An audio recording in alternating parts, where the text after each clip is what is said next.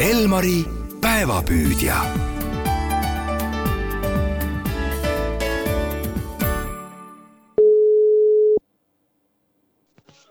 hallo, tervist, mina olen Tarmo Kurm, helistan raadiost Elmar.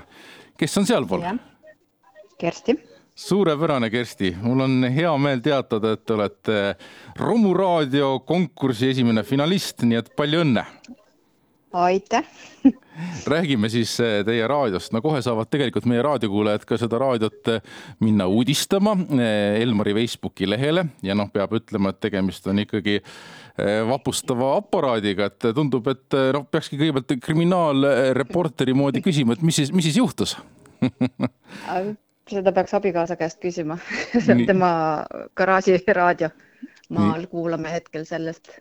Nii et see on ikkagi siis eh, pehmelt öeldes õige pisut kannatada saanud, et ta on üleni Jah, kaetud täpselt. sellise, ma ei teagi, ehitusprahiga või krohvipuruga No. või ja pigem tolmuga, sest on seal maal ga- garaažis ja sealt ikka tuleb seda puru.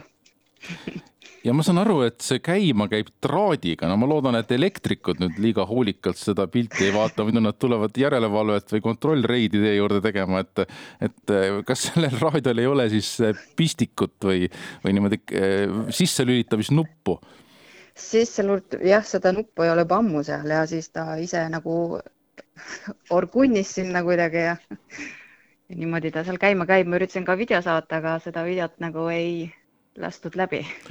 nii et väga paljud nupud ei tööta, aga vaatamata sellele saab Elmari raadiot ikkagi sellest kuulata, eks ju no ikka noh, suurepärane.